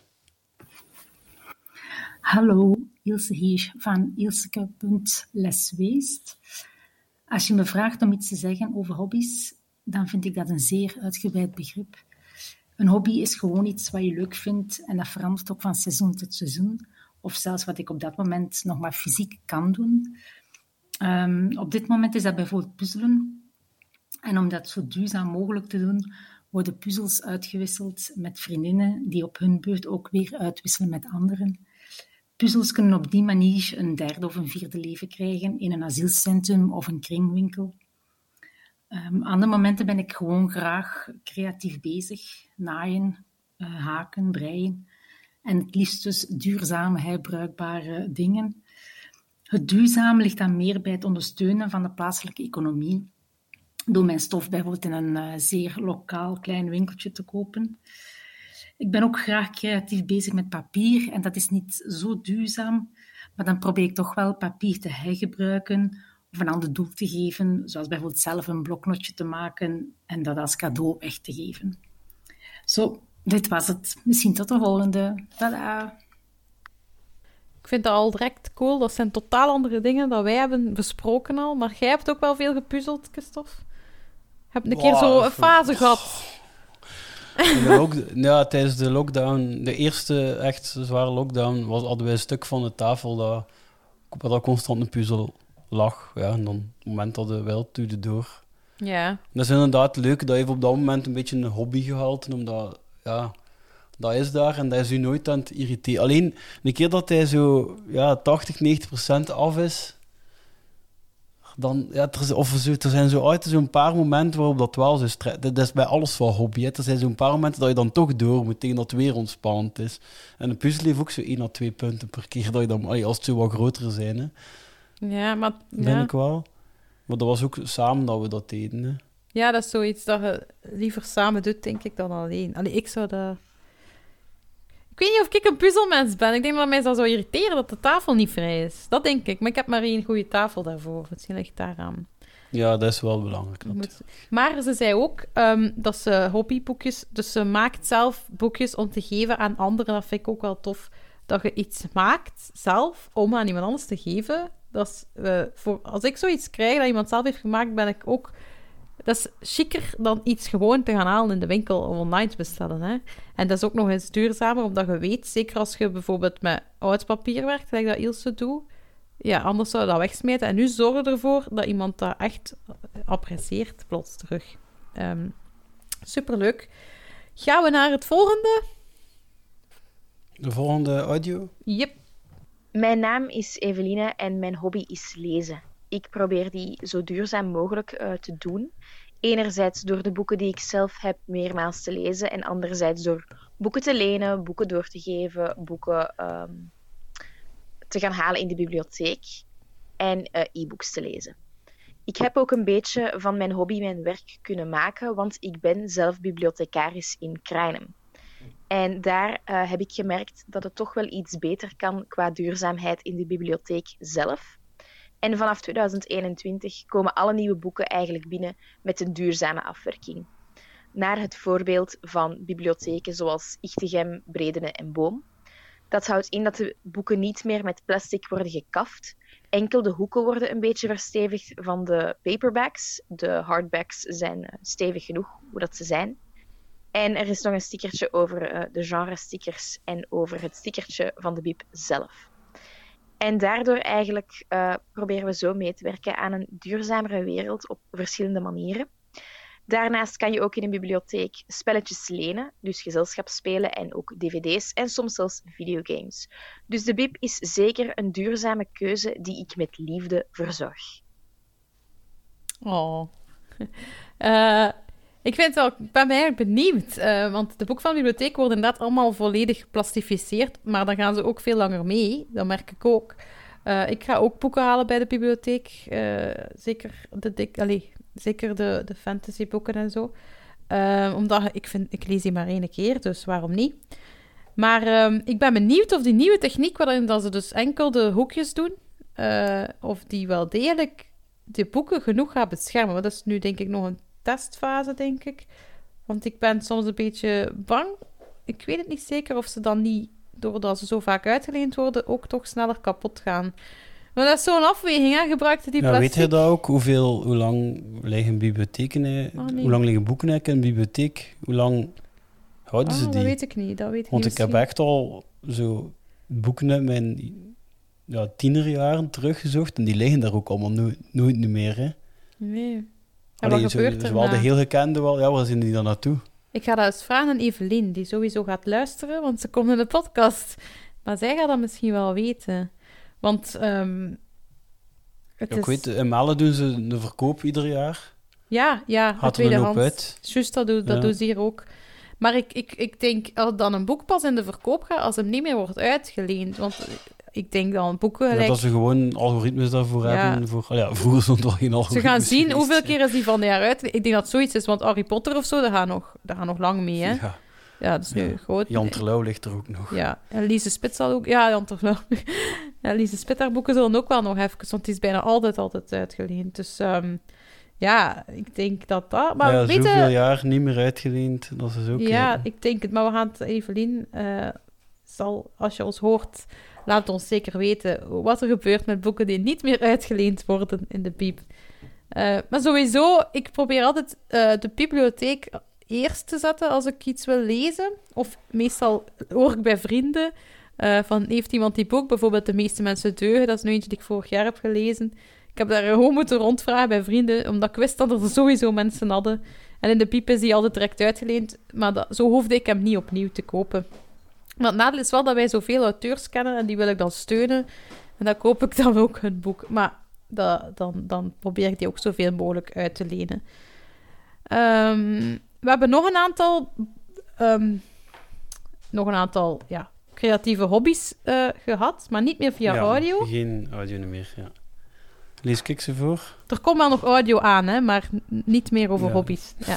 ja, lees maar voor. Ja, ja, er komt nog aan. Ja, de eerste is van Lin. Dat is veel Lien, Evelien en zo vandaag. Ja, Eh, ik ben creatief met afval. Bijvoorbeeld stukjes van oude wenskaarten, foto's uit het magazine van de gemeente, stukjes karton, oude nagellak die niet meer zo vlo- vloeibaar is. Puntje, puntje, puntje. Mijn hobby is niet 100% zero waste, maar ik probeer zoveel mogelijk tweedehandse spullen te gebruiken en ik koop niet te vaak nieuwe. Het kaartje met de boodschap laat je niet tegenhouden is wel 100% gemaakt van afval. ja er Wacht, zitten foto's bij. Er zitten foto's Ah, bij. ja. Ehm, dat is een kaartje.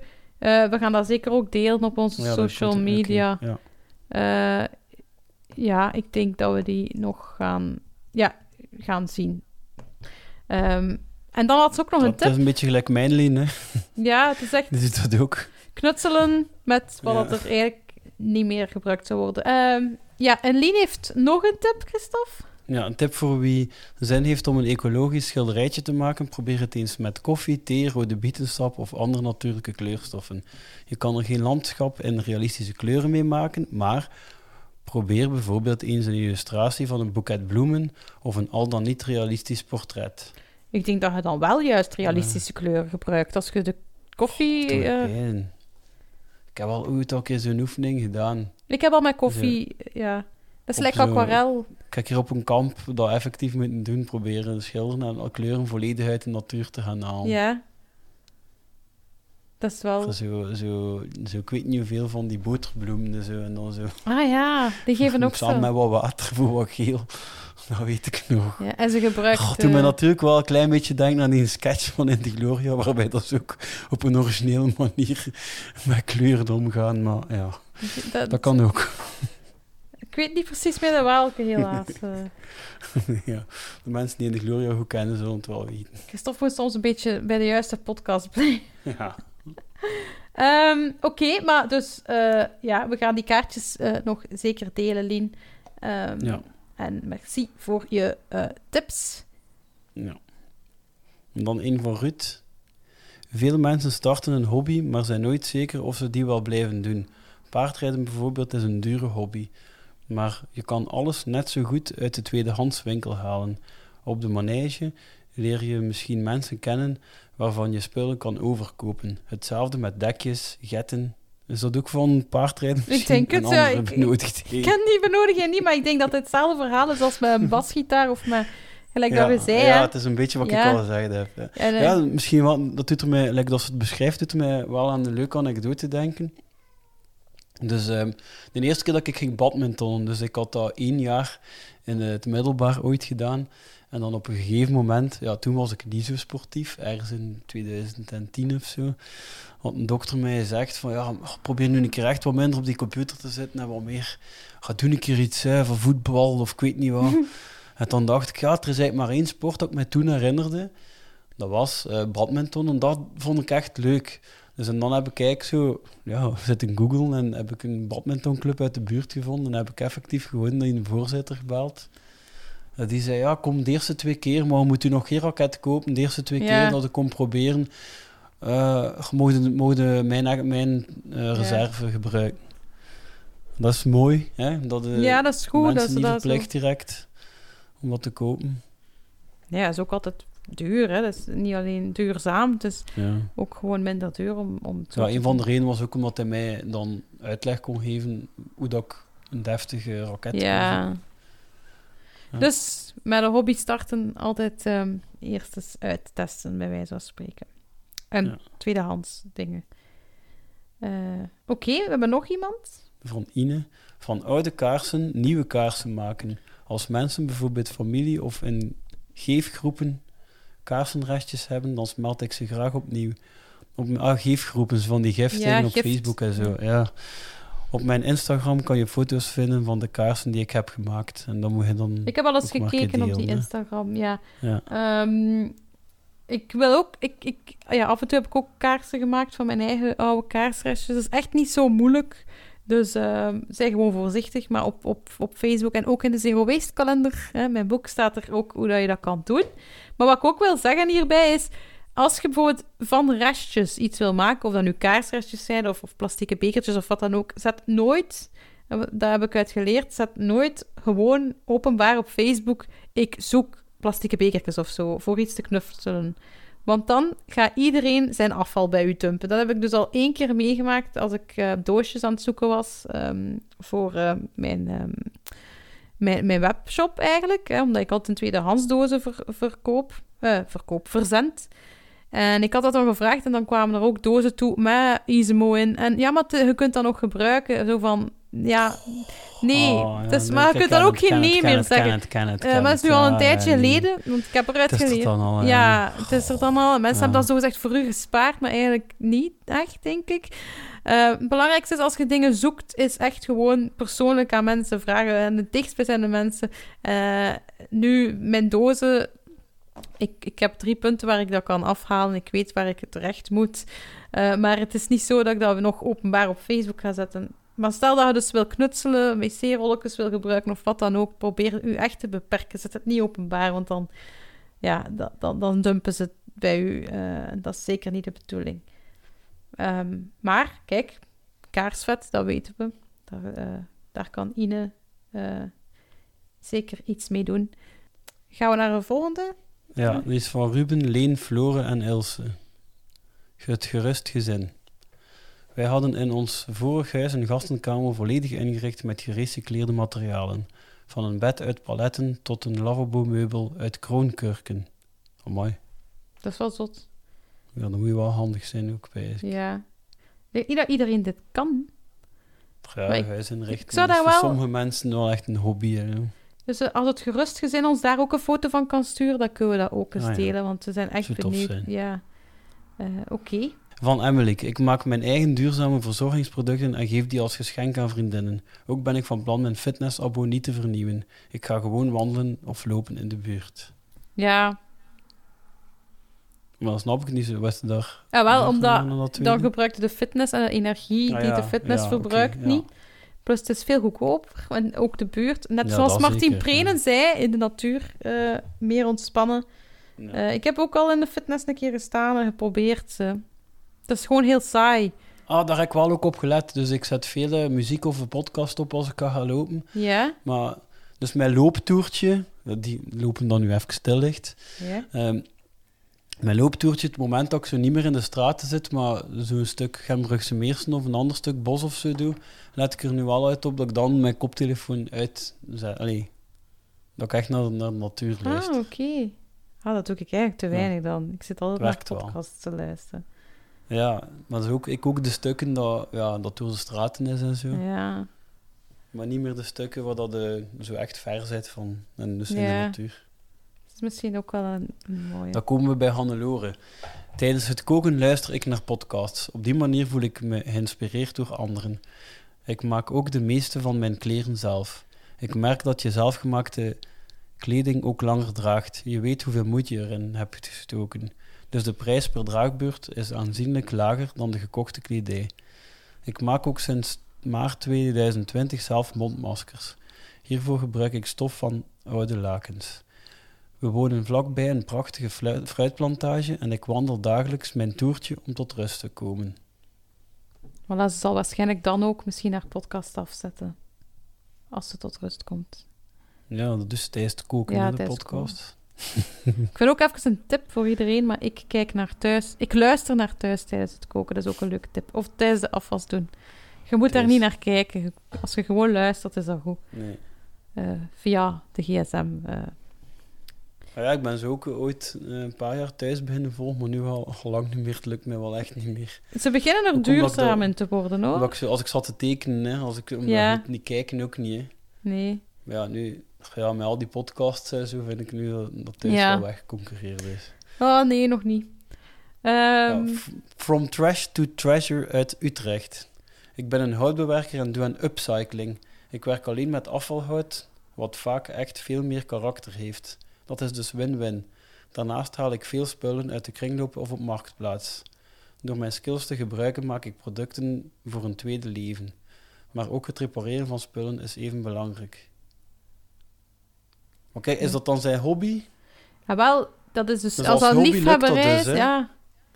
Dat, dat, is dan Ja. dat is dan zo weer dat frustrerend dat we in het begin overal hè? Maar misschien is het een soort bijberoep of zo, dat hij er do- dat hij erbij doet. Dat hij... Want inderdaad... Ja, maar als je echt 100% in... Ja, ik weet niet. Of, of je moet zo een vrij specifieke niche hebben, dat ze je wel daar allemaal voor vragen. Maar volledig een, een, een huis zetten in gerecycleerd materiaal. Ja, dat is al moeilijk. Dat is, Dat is ja, veel duurder, hè. Het gaat, hè. Maar... ja. Oké, nu komen we bij greener side of the fence. Ik maak zelf verzorgingsproducten of ik maak een lekkere uitgebreide vegan maaltijd klaar met restgroentjes. Ik stop mijn sokken met kleurrijke garen en dan draag je dat kunstwerk mee. Ik ken ook iemand die van, plan, van planten inkt kan maken. Dat wil ik ook verkennen. Ik teken nu vaker in mijn uitwisbaar schrift. In mijn uitwisbaar schrift. Maar iets kleurrijkers af en toe is waarschijnlijk wel leuk. Oh ja, van ploggen heb ik ook een hobby gemaakt. Oh ja, Ja, dat is inderdaad ploggen. een hobby van mij ook. Ja. Maar het is niet echt ploggen, ik ga gewoon gaan wandelen en ja. zwerfvuil rapen. Hè. Ik, ik vind dat niet zo leuk meer. Ik heb... ehm, ik kan dat geen hobby noemen voor mij. Als ik het doe, het is echt al lang geleden nu, omdat ik er echt gewoon negatief... Ik, ik, ik krijg daar negatieve gedachten van en ik, ik krijg daar juist meer stress van in, in plaats van ontspannen. Ik, dat, ik heb respect voor mensen die er echt gelukkig van worden, maar bij mij wordt het echt gewoon... Het is ook gevaarlijk, hè. Ik woon langs een super, super, eh, hoe zeg je snelle weg, hè, waar dan iedereen camions passeren daar. Er ligt er constant vuil. Ehm, en en, en dan ma het maakt mij gewoon niet gelukkig. Ik wou dat ik het, dat ik het meer kon doen. Dat ik zei, joepie, ik ga ploggen. Ehm, maar ik ga, ik ga wel binnenkort een keer afspreken met wat vriendinnen. eh, binnen de toegestane aantal eh, in een bubbel.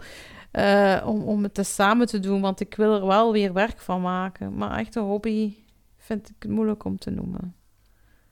Als ik wandel, dan wandel ik gewoon. Ehm, Ja, bij mij is het nu ook wel iets minder. Omdat, ja, mijn vaste wandelingen zijn Aster naar school brengen. doe ik nu echt altijd. ja. En plogt je Ja, dan? soms wel eens, hè. Plogt je dan, minst? Ik heb het af en toe wel gedaan, maar dat was eigenlijk ook eerder omdat, ja, omdat er zodanig veel lag, dat ik dacht, oké, nu ga ik het keer allemaal Ja. meenemen.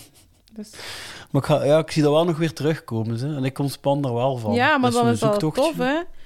Maar ik moet mijzelf niet... Ik, ik, moet Ja, mijzelf maar mocht niet die bijgedachten niet hebben, Ja, van wie doet er dan nu en wie Ja, blijft er dan nu het. vooral doen. ik weet het. En, en, en dat komt toch eh, in mij op. En, en, en Ja. Ik ik ben ook lang bezig met één struik. Ik sta al één struik vol. Dat ligt vol met plastic blikjes, de whatever. En ik kruip dan letterlijk onder die struik. Ik, en, eh, ik, ik ben zo iemand dat plekje moet schoon zijn. En dan pas ga ik naar het volgende. Ik kan niet alles op... Snap je? Alles wat ik zie moet weg. En dan ben ik na een uur maar 100 meter verder. Of Dat nog wandelde niet, hè. Ja. dat, ja, dus dan, wat heb ik dan gezien? Eh, de weg van mijn huis naar het frituur. Ja, eh, dat, daarom dat het wat minder is. Ik wou ook iets zeggen, ja, dat, dat herbruikbaar schriftje, dat uitwisbaar schrift, dat is ook zoiets. Ja, ik gebruik dat niet, omdat ik, zolang dat er nog papier is, dat ik kan gebruiken, dat ik in huis heb, dat ik krijg, ontvang, dat mijn werkkladpapier ehm, levert, ja, heb ik dat zeker nog niet van doen.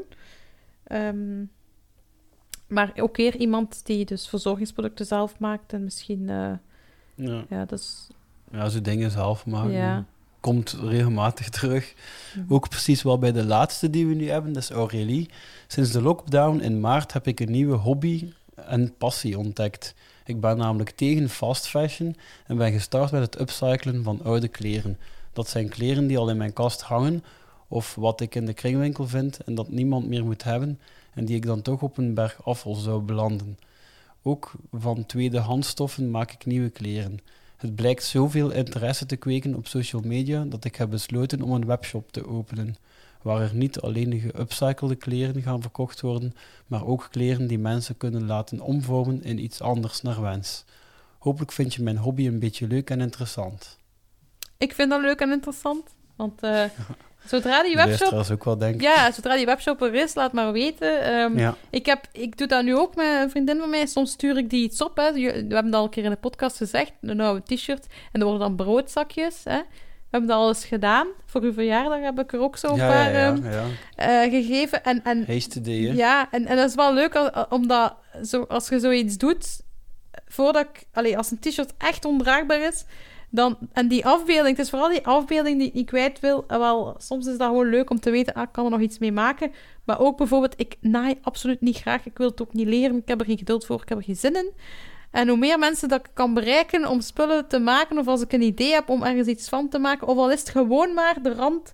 Allee, ik wil soms een handdoek in vier knippen om er dan vier kleine handdoekjes van te maken. Ik kan dat niet.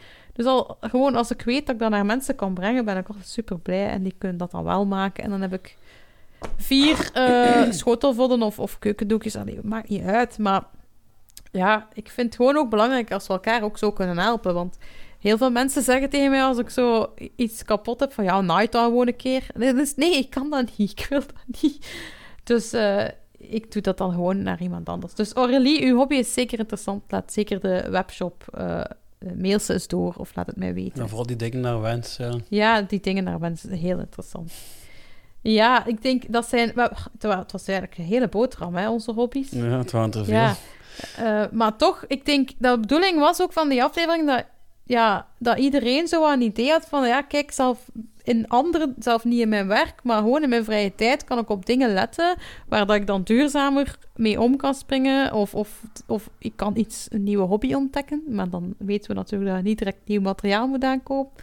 Maar ik vond het interessant om eens te kijken waar jullie allemaal mee bezig zijn. En, en, en het is wel zowel op creatief vlak als, als op eh, zelf, hoe zeg je dat, renoverend vlak eh, en, en inspirerend vlak zijn onze luisteraars wel vrij actief, denk ik. Hè?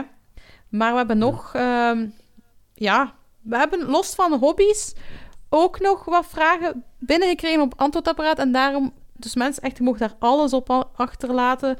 Eh, het komt sowieso in de podcast en wij zoeken antwoorden op jullie vragen. Eh, we gaan eens luisteren naar de volgende vraag. Dag Veerle en Christophe. Ik heb een, eh, een vraag over zero waste eh, wasmiddel. Ik, heb, eh, ja, ik ben heel beïnvloedbaar door reclame en ik eh, kreeg reclame over True Earth wasstrips. Ehm, ik heb dat besteld en dat is nu toegekomen. Ik heb het ook al gebruikt en eh, allee, dat werkt precies wel goed. Maar er staat niks van ingrediënten eh, op die verpakking. En ik vroeg mij af van, oei, heb ik nu wel het juiste gedaan? Dus ik weet niet of dat jij daar iets meer van weet, maar moest dat zo zijn, laat maar weten. Ciao. Ciao. Ja, dat was het berichtje van Eline. En ik wist direct waarover dat ze het had. Want ik krijg net dezelfde reclame waarschijnlijk als zij op mijn Instagram en op mijn eh, Facebook en zo. Over die True Earth wasstrips. Dat is zo'n filmpje van iemand van... Wauw, ik kan heel duurzaam mijn was doen. Ik krijg zo een soort A4 papiertje en ik gooi dat tussen mijn was en dat lost op. En daar zit alles in om mijn was proper te maken. En dat is duurzamer. Nu, het is raar dat eh, Eline zegt van er staan geen ingrediënten op. Ik ben gewoon naar de site geweest. Daar is een groot woord ingrediënten. En daar kunnen al de ingrediënten vinden. En ik heb die gelezen en ik heb ook hulp gevraagd van onze... Ze is hier al eens in de podcast geweest. En Drake uiteraard. eh, om die ingrediënten eens te overlopen. En er zat inderdaad, ja, lijkt dat weet, plantaardige glycerine. Ja, dat is gemaakt van zeewier, dus dat is geen eh, dierlijk middel en zo. Er zat ook gewoon zetmeel in. Ehm, en dan begint het zo wat minder interessant te worden. Eh, als er staat alcohol, dat is niet altijd even goed voor iedereen. Ehm, maar dan ook mineraalolie. Eh, en dat wordt eigenlijk, eh, dat is eigenlijk gewoon vloeibare aardolie. Dat wordt gebruikt als laxeermiddel aan de ene kant, maar dat is ook een smeermiddel. Hè? Dat is om, om te zorgen dat, dat, ja, dat je zo de slijmerige, hoe zeg je dat? Ja, slijmerige substantie krijgt. Dus aardolie of paraffineolie. En dat is eigenlijk helemaal niet zo goed, want dat is namelijk niet biologisch afbreekbaar. Ehm, was het er nog in kokosolie? Dat is wel biologisch afbreekbaar. Dat is, geen, dat, is, dat is redelijk duurzaam. Maar ik ergerde mij vooral aan het feit dat er daar aardolie in zit, natuurlijk. Hè. En het is zo, dat product komt uit Canada. Daar zijn andere regels dan in België. In Europa zijn ze daar veel strenger op. Maar doordat er op internet zoveel verkocht wordt, wordt er zich... Allee, als bijvoorbeeld iets biodegra- ik kan dat niet uitspreken, bio- biologisch afbreekbaar in het Engels staat er dan. Dat betekent iets anders in Amerika vaak dan hier, of in Canada dan hier, omdat er hier strengere regels zijn op die woordkeuze van wat gebruikt je precies. En daar moet je mee opletten met online reclame en advertenties die je krijgt. Ehm, dus er, het klopt wel dat in True Earth zit bijvoorbeeld geen parabeen, geen bleach en ehm, het is veganistisch, maar het woord biologisch afbreekbaar klopt daar al eigenlijk niet in, omdat er daar dus aardolie in zit. Dat zou in Europa not done zijn om dat dan op je verpakking te zetten. Maar wat ook eigenlijk erg is, dat van zo ver moet komen. Er wordt effectief met een vliegtuig naar u gebracht, terwijl dat er hier in België zelf, en het gaat over een Belgisch bedrijf, eh, bestaat er iets dat eigenlijk net hetzelfde doet, evenveel moeite kost en ehm, wel duurzamer is. En dat is EcoPots. En op ecopots.be, en eco schrijft als ecologisch, hè, eco, en dan pots met P-O-D-S. Het zou misschien een podcast kunnen zijn, maar nee, het is een, het, is- het is een eh, biologisch afbreekbaar eh, wasmiddel dat je eigenlijk... eh, wasmiddel of schuur... Allee, het zijn verschillende soorten dat je hebt. Je hebt ook dingen om je vloer te kuisen. je hebt dingen om de afwas te doen. Maar je hebt eigenlijk soort snoepjes en je gooit dat in water. En in het water dat je thuis hebt, dat van de kraan komt. En dan heb je eigenlijk je wasmiddel gemaakt. Dus dan moet je niet meer zelf... Want dat is dan nog duurzamer, vind ik. Dat is gewoon eh Marseille-zeep met water koken. En dan heb je dat ook. Maar goed, eh, dat, dat, is dan misschien iets moeilijker, maar het is wel duizend keer goedkoper. Maar als je dan toch een alternatief zou zoeken, hè, ik zeg nu, Eline, gebruik die papiertjes nu op. Je hebt ze nu gekocht, smijt ze zeker niet weg.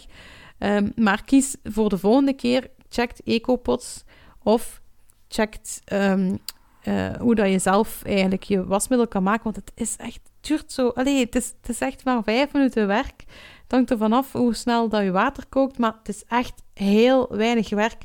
Ehm, maar goed, het is, het is maar, ja, True Earth, wasstrips, iedereen die, die misschien luistert, gaat er al reclame van gezien hebben, omdat als uw interesses zero waste zijn, duurzaamheid, dan krijg je dat. Maar let daarvan op, mensen, want zeker als je zo'n iets ziet online, wil dat vooral zeggen dat je daar niet op moet klikken.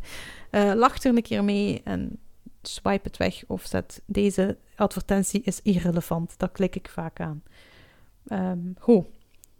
Dat wat, ik denk dat ze daarmee geholpen is. Hopelijk. Dat is een redelijk uitgebreid antwoord. hè. Ja, maar ik heb research gedaan. Hè. Dank ook aan Andrake. Ja, Ja, blijkbaar. Ja. ja ik heb research gedaan. Ik heb eigenlijk eerst gevraagd aan Andrake, klopt het wat ik zeg? En zij heeft dat bevestigd. en dan vond ik, oké, Ah ja, ja, ik zit zo. juist, ik zit Ja. juist. Maar ja, ik wou even Oké. van een expert eh, toch wel Ja. zekerheid weten. Ja. En nu komen we aan een eh, tweede vraag nog. Dag Veerle en Christophe. Ik ben Lin uit Willebroek en ik ben een grote fan van jullie. Ik zou graag een tip delen en een vraag daarbij. Als ik groente kook of stoom, gebruik ik nooit zout. Daarna bewaar ik het kookvocht en laat het afkoelen. Zodra het koud is, geef ik dat vocht aan mijn planten, want het zit boordevol voedingsstoffen. En zero waste. Nu is mijn vraag voor jullie: mag je dat doen met alle groenten? Ik durf dit bijvoorbeeld niet te doen met kookvocht van aardappelen, want rauw zijn die giftig voor mensen. Zitten daar dan ook stoffen in waar planten niet tegen kunnen? Ja, ik heb, eh dag Lien, ik heb ook eh, hiervoor van een expert wat hulp gevraagd. De expert was Thomas, en dat is, die is ook bekend als de planttrekker. Hè? Eh, planttrekker.com is zijn website, maar misschien ken je hem van op Instagram. Dat is de jongen die vol planten staat. Allee, ja, dat is een zotte, zotte plantliefhebber, die ook lezingen en workshops geeft. Nu, het kookvocht van aardappelen is zeker niet, o- niet ongezond. Dus het is ehm, heel gezond voor je planten, aangezien dat er ehm, heel veel zetmeel in zit. En dat is heel voedend voor de planten. Dus hij zegt, doe dat zeker, maar laat het natuurlijk wel afkoelen en zorg inderdaad dat er geen zout in zit. Dus inderdaad, als je kookt zonder zout, dan kan je dat doen. eh, kun je eigenlijk al het kookvocht aan je kamerplanten geven. Wat, je, wat ik wel ooit bijgeleerd heb van Thomas, is dat je moet opletten met koffie. Ehm, dat je koffie, dat kan je perfect eh, geven aan eh, je eh, planten buiten. Maar niet alle kamerplanten zijn daar even, ehm, allee, kunnen dat even goed verdragen, omdat daar soms te veel voeding in zit. Maar ehm, voor de rest, het water van, van je, je groente dat gekookt is en afgekoeld is, mag je dus aan je plantjes geven. En dat is zeker zero waste. Je kunt er misschien ook mee schilderen. Want hebben nu gezien dat dat misschien kleur afgeeft. Als je rode kool hebt gemaakt, of rode kool niet, ehm, rode biets hebt gemaakt, dan kun je er misschien ook mee schilderen. Of je kleren kleuren. Dat, dat heb ik ook geleerd van Andrake.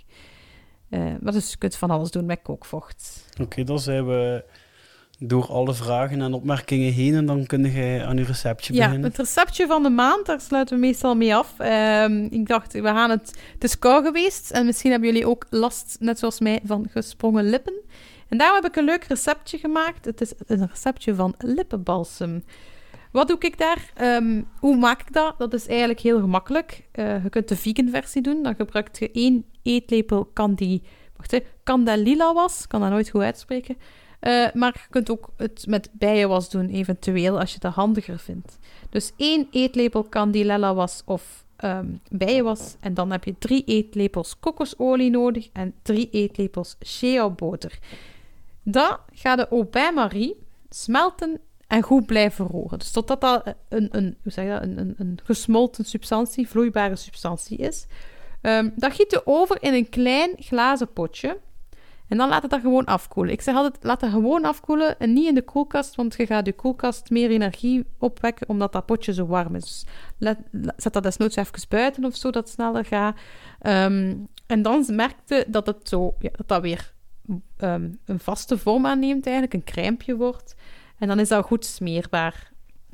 En dan kun je eigenlijk met je vinger daarin, het is voor persoonlijk gebruik natuurlijk, je doet je vinger daarin en dan kun je dat op je lip doen.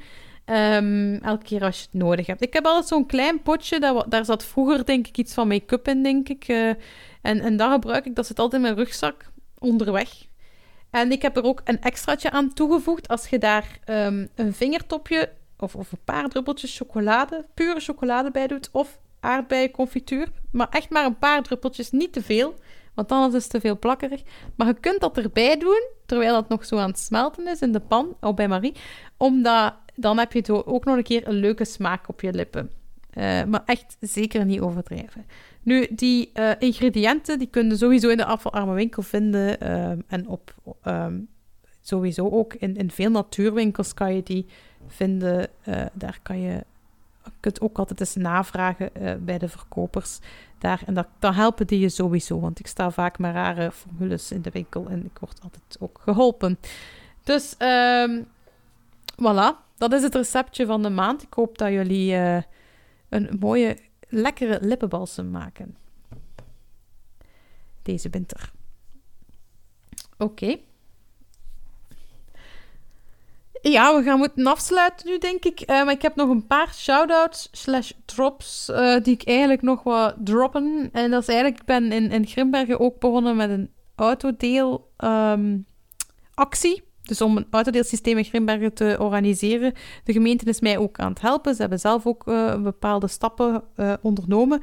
Nu, wat ben ik aan het doen in, in deze gemeente, is ik ben mensen aan het verzamelen. Dus een draagvlak eigenlijk, of hoe zeg je dat? Of een groep mensen die geïnteresseerd is. Ik zoek eigenlijk alle mensen die interesse hebben um, om bij dat platform te komen, of die zeggen van ik wil mij daar blijvend over informeren of allemaal zeker op de hoogte, die mogen mij een mail sturen en dan stuur ik een, um, een, hoe zeg je dat, een, een formulier op waar je een paar vragen op antwoordt.